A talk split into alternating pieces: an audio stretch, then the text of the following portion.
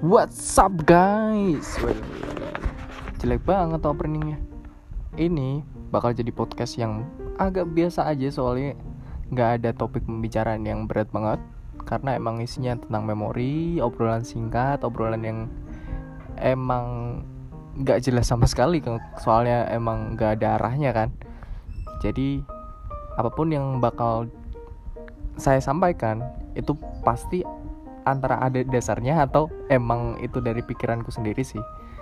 Dan beberapa juga enggak harus hmm, sesuai konsep dan lain sebagainya. Soalnya di yang aku lihat di masyarakat ketika mereka membuat podcast mereka pasti bikin konsep bikin alur cerita yang baik. Wah kayak tapi itu nggak sesuai sama aku sih. Ya udah ya